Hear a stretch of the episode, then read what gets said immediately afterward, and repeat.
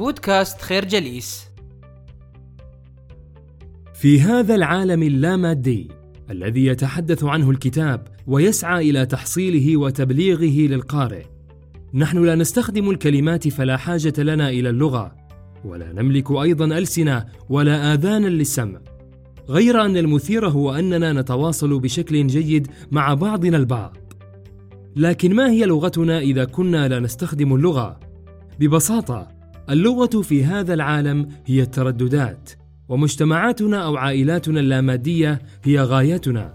بتعبير أدق ومبسط نحن نشع على شكل ترددات وذبذبات ويجمع الآخرون نفس نياتهم.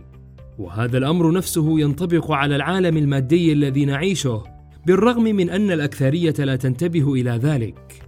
تطلق الكاتبة لفظ أبراهام على عائلة الكائنات اللامادية التي اجتمعت بشكل طبيعي بنيتنا القوية لتذكيركم بامتدادنا المادي بقوانين الكون التي تحكم هذا العالم. والغاية من كل هذا هو تذكيركم بهذا المعطى وأنه موجود في هذا الكون ليبدع الإنسان بشكل مبهج. والمؤكد من كل هذا هو أن الإنسان امتداد لمصدر الطاقة ولهذا فهو مخلوق مبارك ومحبوب وهو تعبير مستمر عن كينونته لمجموعة من الاعتبارات. أهمها أن الإنسان يسمع فقط ما هو جاهز لسماعه. الفكرة الإنسان امتداد لمصدر الطاقة ولهذا فهو مخلوق مبارك ومحبوب. تختلف تجاربنا في هذه الحياة بين الرفض والقبول لذواتنا وخبراتنا. لكن إذا كان الإنسان يعرف من هو ويستمتع بتجربته ويطور من ذاتيته نحو الأفضل بشكل مستمر ويشعر بالرضا التام عن كل ما حققه في حياته مترقبا بكامل الرضا لما يمكنه أن يتحقق من الأشياء فهو بحق يعرف ذاته وكينونته. أما إذا كان العكس هو الحاصل فيشعر بالحزن العميق على تجاربه التي مرت دون أن يحقق شيئا. أو ينتظر المال غير مرتاح لظروف عمله وعلاقاته الاجتماعية والأسرية. فهذا الأمر هو ما يسعى الكتاب لتوضيحه إذ الهدف منه هو أن يجد الإنسان طريقه لكل ما يتمناه. ومن أجل ذلك تقترح الكاتبة بأنها تعرف هذا النوع الثاني الذي تحدثنا عنه سابقا. ولتسهيل تعرفك على نفسك نقول تذكر أن ما من شيء لا يمكنك أن تكونه أو تفعله أو تملكه. أحبب مكانك الموجود فيه الآن والوضعية التي أنت عليها. ارمي كل التصورات التي التقطتها على درب عالمك المادي. قم بتنشيط المعرفة العميقة التي تنبض في أعماقك. استرخي واستمتع بالرحلة السريعة لاكتشاف ذاتك. الفكرة تعرفك على نفسك هو الطريق لاكتشاف كنوز أعماقك. لله في خلقه شؤون وعجائب وأسرار. هكذا خلق الإنسان وهكذا كان عالمه محاطا بكثير من الأسرار والعجائب ولعل أهم ما يجلي صنيع الله المحكم هو أن الحرية المطلقة هي أساس الحياة الإنسانية. ما يجب أن تعرفه هو أن الإنسان ولد وهو يحمل معرفة غريزية بكونه هو من يصنع واقعه.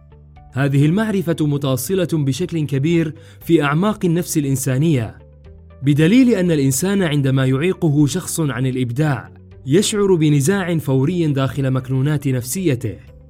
لكن مشكلة هذه المعرفة الغريزية أنها تختفي وتنمحي وتذوب في المجتمع، فهذه الرغبة النابعة من النفس الإنسانية عندما تبدأ بالاحتكاك مع المجتمع ومتطلباته، تنساق مع الصورة التي يرسمها لنا الآخرون.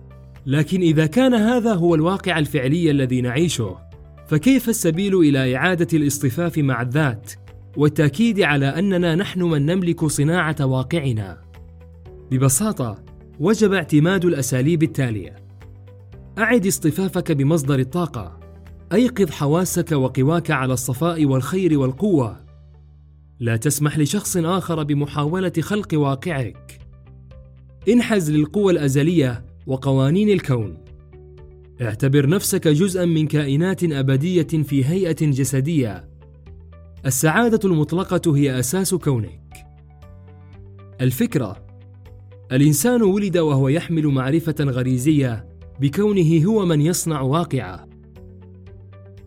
كثيرا ما نطرح سؤالا يبدو أنه يشكل بالنسبة إلينا عائقا معرفيا وتواصليا. لماذا نستغرق وقتا طويلا للوصول إلى أهدافنا؟ ما يجب الانتباه إليه وأنت تريد الإجابة على هذا السؤال هو أن عدم استحقاقك لبعض الأشياء التي تود الحصول عليها لا يأتي فقط من جانب الحظ أو سوء التقدير بل العامل الكبير المساهم في هذا الإخفاق يكمن في وقوفك في نمط ترددي يشكل عائقا لاستقبالك ما تريد فهو لا يتوافق مع تردد رغبتك. وذلك هو السبب الوحيد. فإذا تاملت في هذه الصورة بشكل جيد سوف تقدر على تحديد منشأ الخلاف. لكن هذا الشعور لا يمكن أن يصل إليه الإنسان إلا من خلال النقاط التالية. السعادة تقف على بابك ولا تنتظر منك إلا استقبالها والإمساك بها. أنت امتداد مادي لمصدر الطاقة والشكل المعيق لعدم اعتبار الإنسان نفسه امتدادا للطاقة. هو تركيزه على البعد المادي فيه. أدرك الأشياء التي ألهمتها البيئة فيك وعشها بأفضل طريقة واصنع واقعك بنفسك. اسأل تعطى اسأل بنواياك بمرادك بأمانيك ورغباتك ولا حاجة لاستخدام الكلمات. لا تتعب من التمدد والإبداع. الفكرة عدم استحقاقك لبعض الأشياء نابع من وقوفك في نمط ترددي يشكل عائقا لاستقبالك ما تريد. نشكركم على حسن استماعكم. تابعونا على مواقع التواصل الاجتماعي لخير جليس. كما يسرنا الاستماع لآرائكم واقتراحاتكم ونسعد باشتراككم في البودكاست.